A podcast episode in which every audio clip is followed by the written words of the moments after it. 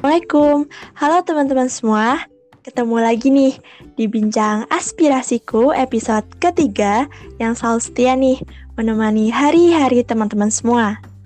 Oh iya, gimana nih kabar kalian? Semoga baik-baik aja ya. Nah, sesuai janji aku di podcast sebelumnya, kalau akan banyak banget nih kejutan di setiap episode Bincang Aspirasiku. Dan episode ketiga kali ini akan membahas mengenai bincang usaha dengan tema Wira Usaha Muda, Kenapa Enggak? Oh ya, kali ini aku nggak sendirian nih, karena aku ditemani oleh narasumber yang nggak kalah menarik dan yang nggak kalah luar biasa dari episode sebelumnya. Seorang wirausaha muda yang akan banyak berbagi pengalaman, info menarik, dan tips-tips wirausaha nih buat kita semua. Oke, langsung aja ya daripada kalian tambah penasaran, kita sambut aja. Halo Mas Ade.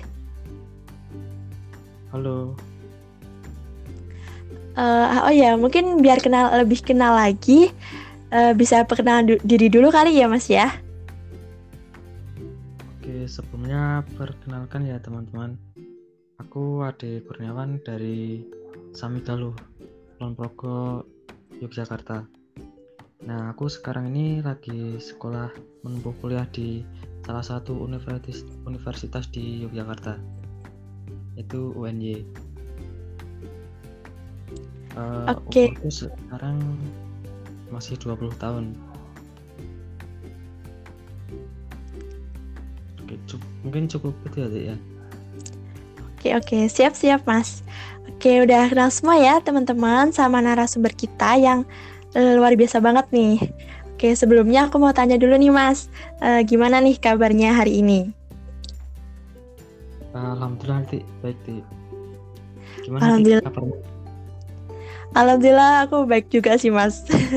Meskipun di tengah kesibukan uh, bulan Ramadan juga, kuliah juga ya Mas ya. Banyak tugas juga ya. Betul banget Mas. Oke, mungkin kesibukannya nih Mas, uh, saat ini tuh lagi ngapain aja nih Mas? Uh, mungkin kesibukanku sehari-hari di sisi lain aku kuliah, aku juga ngembangin usaha.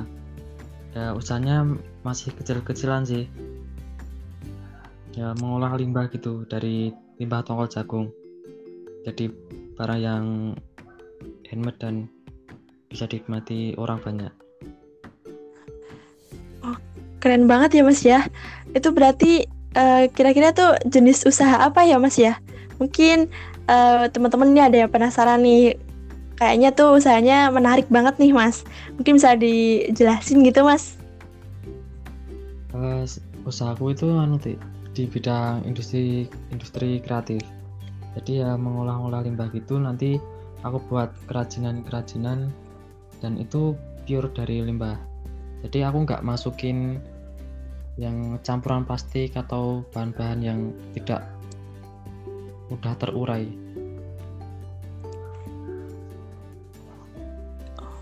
Jadi kayak itu ya Mas ya uh, kayak uh, usahanya tuh kan dari limbah ya Mas. Jadi kayak juga sebagai upaya untuk menyelamatkan lingkungan juga gitu ya Mas ya.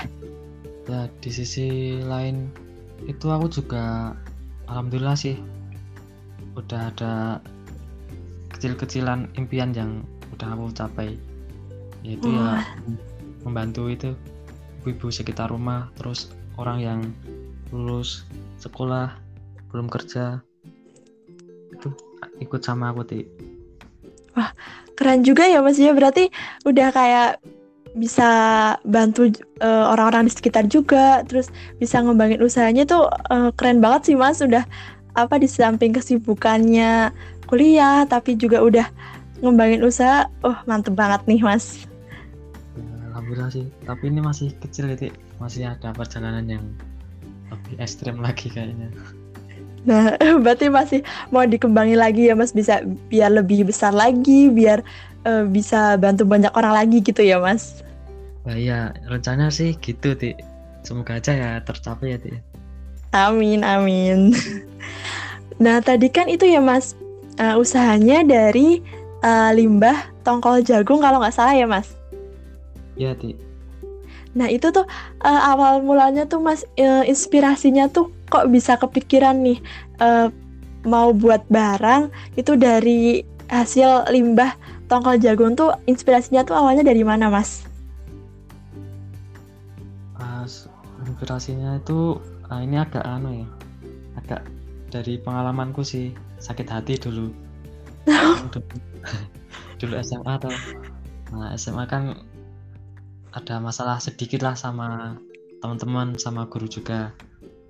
Nah dan itu membuatku di agak disisihkan gitu loh. Hmm. ya kamu itu bisa apa? Akademik aja nggak bisa. Terus non akademik buktinya apa? Nggak ada udah dulu itu kan ada kesempatan lomba FLS 2N festival nasional siswa nasional itu. Nah aku coba aja daftar. Nah aku daftar guruku yang seni budaya support aku ya udah aku maju deh. Nah aku maju itu kan bingung nih aduh aku mau bikin apa ya? Nah terus aku kok kepikiran di rumah ibuku itu lagi ngambilin jagung dari batangnya itu dari bonggolnya. Nah terus aku coba eksperimen deh aku jemur sekitar tiga hari. Terus keras tadi yang awalnya itu lembek karena ada kadar air kadar kadar airnya. Sorry ada air airnya itu. Nah terus aku jemur selama tiga hari. Setelah itu kok keras. Nah aku pinjem mesin bapakku. Pak aku pinjem mesinnya dulu mau buat amplas mesin gerinda. Nah, setelah itu aku amplas nah, nemu deh serat yang bagus itu dari tongkol jagungnya. Nah awalnya itu aku susun-susun gitu. Tapi kok kayaknya ini dipotong-potong bagus. Nah lanjut aku potong jadi potongan bulat itu deh nah dari potongan bulat-bulat itu. Dan udah ada tekstur dari bongol jagungnya itu aku kembangin lagi ke lampu membuat lampu gitu disusun-susun pakai mal palaron gitu palaron PVC nah ya itu deh.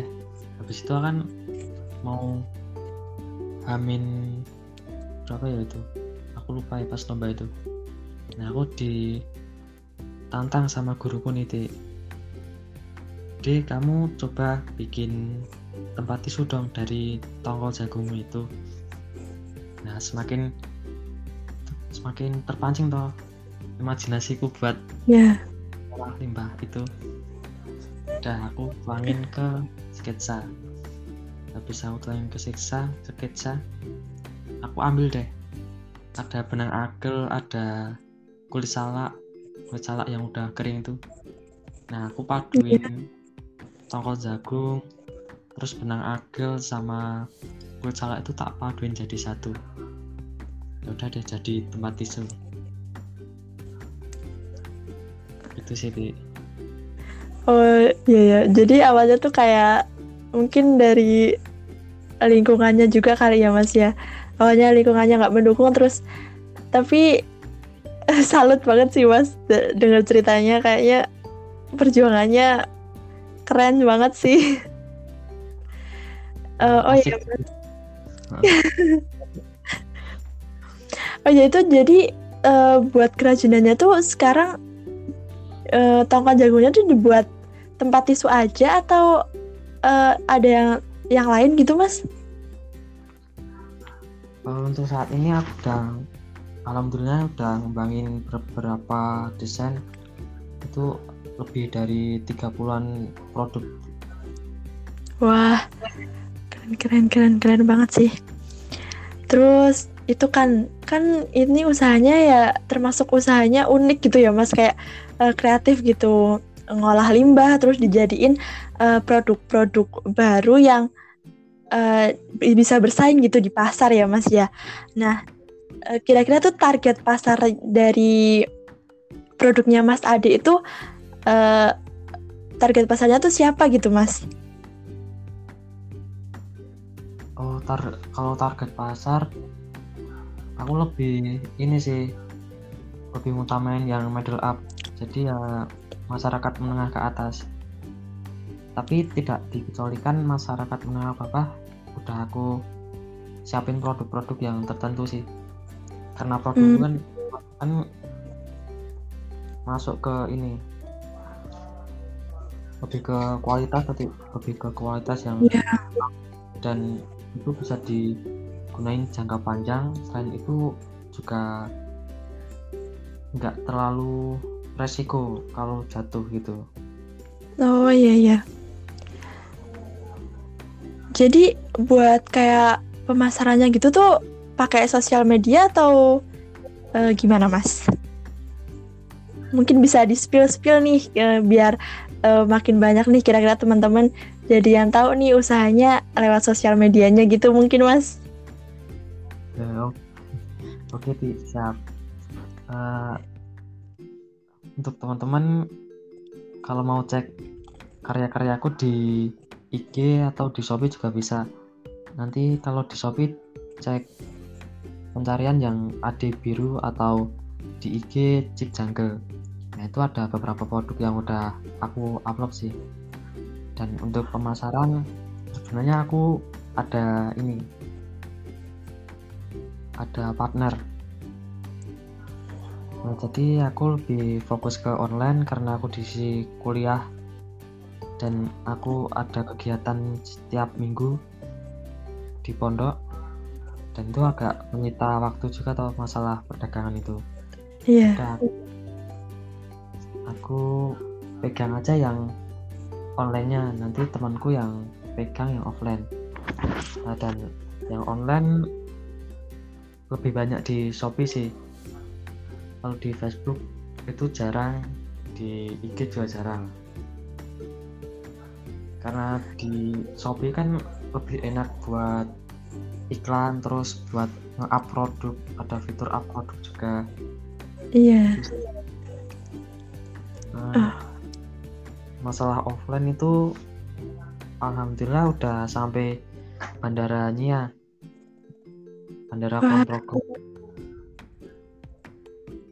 Ya sama ada beberapa di Jakarta terus ada titip di toko juga Pemasar berarti pemasarannya udah luas banget ya Mas, udah sampai beberapa itu kota gitu ya Mas ya?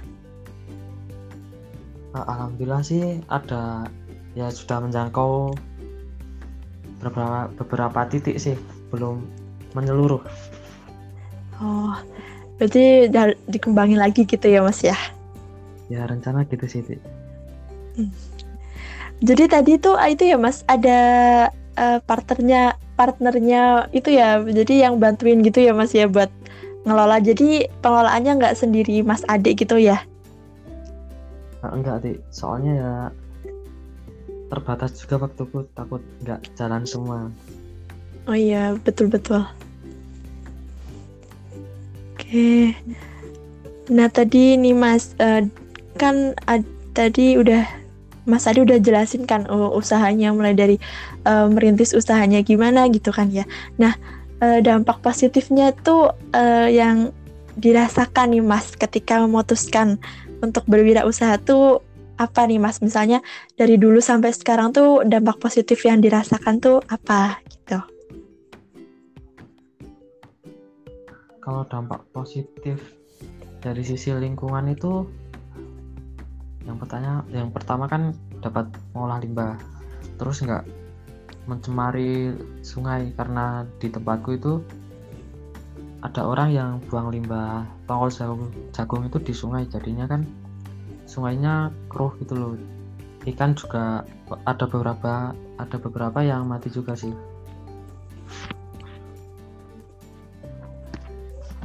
Sama yang kalau masyarakat ya itu alhamdulillah aku juga bisa narik ibu-ibu sama anak-anak yang udah lulus sekolah gitu Oh ya itu berarti eh, kira-kira tuh total eh, karyawannya tuh ada eh karyawan. Ya, itu yang bantu-bantu itu ada berapa ya Mas? kalau sekarang itu baru lima ti Oh iya iya. Udah banyak juga ya Mas ya. ya tapi belum anu Nggak apa-apa kan? Nggak apa-apa kan besok dikembangin lagi kan ya Mas ya.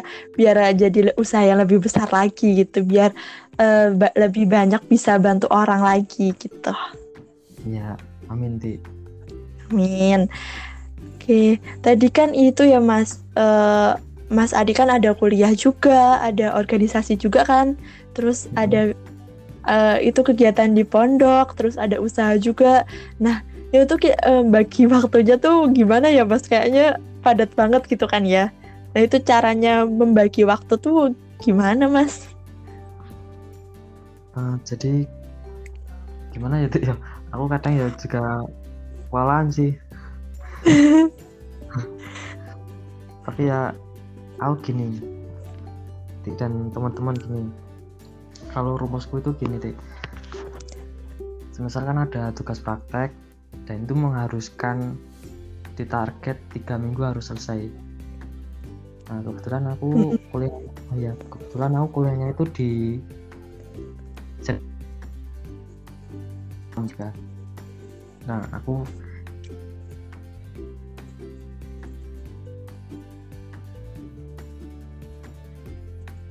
sama kayu itu teman-teman nyelesain tugasnya itu sekitar tiga minggu.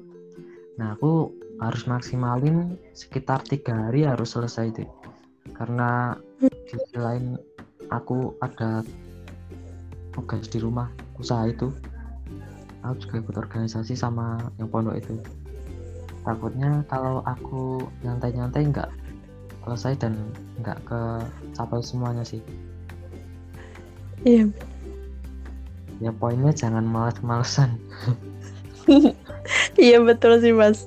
Jadi kalau ada tugas sebisa mungkin eh, cepat dikerjain gitu ya Mas. Jangan males-malesan gitu ya. yang sacet-sacet itu Iya betul. Biar lebih cepat selesai juga nggak numpuk juga. Nanti kan kalau numpuk kita juga kan yang repot ya Mas. Ah, betul banget itu Oke, jadi mm, tadi berarti kalau untuk pembagian waktunya tuh nggak spesifik gimana, tapi eh, yang penting tuh eh, kalau ada tugas langsung dikerjain, terus eh, jangan males-malesan gitu ya Mas. Mm, betul betul. Oke, siap-siap. Ini juga jadi pelajaran nih buat aku dan teman-teman semua biar kalau ada tugas itu bisa langsung diselesain, terus biar nggak numpuk dan ya intinya biar cepet selesai sih, biar kita nggak pusing sendiri gitu. nah kalau tugas selesai toh kan ada waktu luang nah itu Iya. sempetin buat healing ke gunung atau apa gitu kan nggak biar nggak pusing kan. pas ada waktu luangnya kok Iya, siap, Mas. Tapi kalau misalnya nggak ada kesempatan healing tapi tugasnya udah yang lain udah nunggu gimana, Mas? waduh ya udah yang punya ayang ya udah sama ayang aja Oke, siap, siap, Mas. Nih. Terus, ya oke, terus ini Mas. Cara Mas Ade nih, kan kesibukannya bisa dibilang banyak banget ya Mas ya. Sibuk itulah ya. Nah, eh, sebagai manusia kadang-kadang kan ada fase capeknya, ada fase lelahnya gitu ya Mas ya. Nah, caranya Mas Ade itu menjaga semangatnya nih eh, supaya usahanya tetap lancar, kuliahnya tetap jalan, eh, organisasinya juga tetap jalan. Itu gimana Mas? oh, kalau itu biasanya aku selalu pasrahin aja nih sama yang di atas yang penting kan aku udah usaha terus. Sama doa kan aku pasrahin aja ke atas semua kan bakal selesai. Kalau memang itu nggak selesai dan bakal buat aku down ya mungkin itu bukan rezekiku dan harus diikhlasin. Mungkin itu rezeki orang lain. Dan kalau untuk semangat mungkin semangat yang membuatku semangat besar itu pertama dari orang tua karena aku harus membahagiakan orang tuaku juga. Terus lingkungan. Misiku kan di sini aku ada kutipan dari guruku sih. Kalau bisa itu jadi orang tuh yang bermanfaat buat orang lain.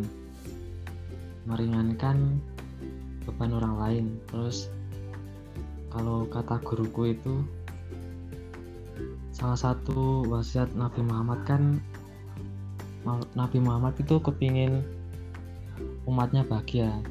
Nah ya sebisa mungkin aku nyediain apa yang aku bisa dan membuat masyarakat itu bisa bahagia. Mungkin itu sih deh semangatku. Oh iya jadi di samping apa tadi uh, doa usaha terus uh, ingat lagi ya mas ya kalau uh, manusia itu kan uh, pesennya tadi dari gurunya Mas Ade itu kan bilangnya berarti intinya tuh sebaik-baik manusia kan uh, manusia yang bermanfaat untuk orang lain gitu ya Mas. Jadi ingat ketujuan awalnya uh, Mas Ade ngediriin usaha ini itu buat agar bisa bermanfaat untuk orang lain gitu ya Mas. Ya. Sebenarnya itu. Oke. Terakhir nih Mas. Kan uh, pesan-pesan nih Mas untuk misalnya uh, untuk teman-teman di luar sana yang mungkin uh, sedang merintis usahanya uh, dari awal gitu atau orang-orang uh, yang mau berbeda usaha tapi masih ragu-ragu uh, nih Mas. Uh, pesan-pesannya Mas kira-kira apa? Mungkin pesanku aku kasih motivasi aja ya, Tik ya. Boleh, boleh Mas. Aku selalu berpegang teguh sama motivasiku ini sih. Uh, jadikan cita-citamu sebagai jalan bagi orang lain untuk menggapai cita-citanya. Nah dari situ bisa disimpulin. Berguna buat orang lain dan target kamu itu membahagiakan orang lain. Dan itu masyarakat puas mungkin itu sih dari aku. Masya Allah bagus banget ya mas. Oke, kayaknya uh, udah semua nih Mas uh, pertanyaan-pertanyaannya nih. Mungkin nanti kalau dari teman-teman kira-kira uh, ada yang mau ditanyain atau uh, masih mungkin mau kepo-kepo nih tentang Mas Ade, mungkin uh, teman-teman nih bisa hubungin Mas Ade nih di mana nih Mas media sosialnya Mas Ade mungkin? Oh, boleh sih. Uh, media sosial media sosialku aku cari yang IG aja ya. Boleh. Kalau IG ku yang akun untuk aku sendiri itu Adi Kurnawan underscore AK. Kalau yang bisnis Chip Jungle. Tapi aku lebih prefer di chip jungle sih kalau mau tanya-tanya. Diskusi bareng Oke, boleh banget nih ya teman-teman langsung uh, dihubungi aja misalnya mau tanya-tanya nih tentang wirausaha atau mungkin motivasinya Mas Ade buat berwirausaha boleh langsung uh, dicek di sosial medianya Mas Ade gitu.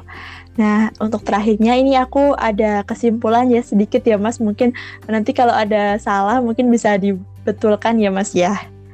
Jadi uh, kesimpulannya dari uh, podcast kali ini nih bareng Mas Ade.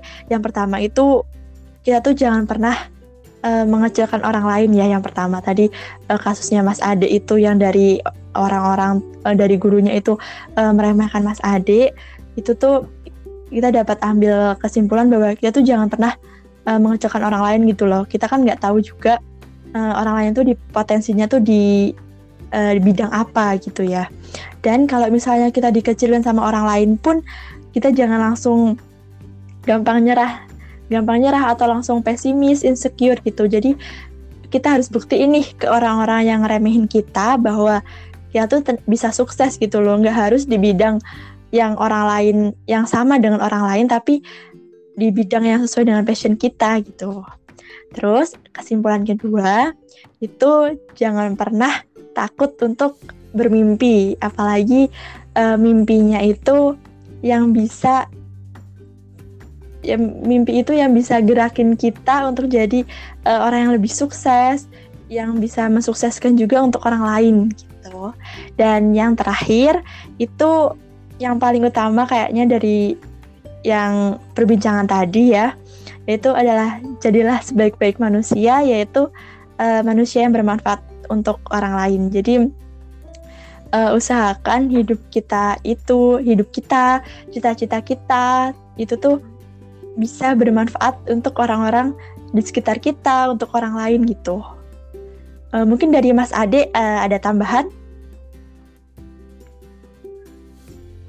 Dari aku buat teman-teman mungkin jangan pernah patah semangat teman-teman karena kita kan ditakdirkan udah ada skillnya sendiri-sendiri. Dan jangan malu kalau skill kita itu diremain tunjukin aja yang pede. Tunjukin kalau kita bisa dan kita bakal bisa bermanfaat buat orang lain. Siap itu siap. Oke. Sudah disemangatin nih sama Mas Adi teman-teman. Jadi uh, jangan menyerah selalu semangat. Dan uh, selalu semangat untuk gapai mimpi kalian. Oke, dari uh, Mas Ade udah cukup, Mas? Oh, cukup, Ti, dari aku, Ti. Oke, mungkin dari aku juga udah cukup ya, teman-teman. Uh, sampai jumpa di podcast ke podcast PSDM selanjutnya. Uh, aku dan Mas Ade mohon undur diri. Mohon maaf apabila dari penyampaian podcastnya ada kesalahan tutur kata mungkin uh, mohon dimaafkan. Uh, aku tutup ya teman-teman. Sampai jumpa di podcast selanjutnya. Dadah. Wassalamualaikum warahmatullahi wabarakatuh.